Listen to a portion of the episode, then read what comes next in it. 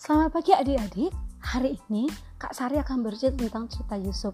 Ketika Yusuf diangkat menjadi perdana menteri di Mesir, ia tahu sebentar lagi akan datang musim kelaparan yang panjang. Itu sebabnya ketika musim panen melimpah, Yusuf membuat kebijakan. Semua panen harus ditabung. Ia membangun lumbung-lumbung gandum di berbagai tempat sehingga di Mesir tersedia cukup makanan apabila bencana kelaparan itu akan terjadi apa yang terjadi? Kemudian adik-adik ha tunggu episode berikutnya di minggu depan. Selamat sampai jumpa adik-adik. Selamat hari minggu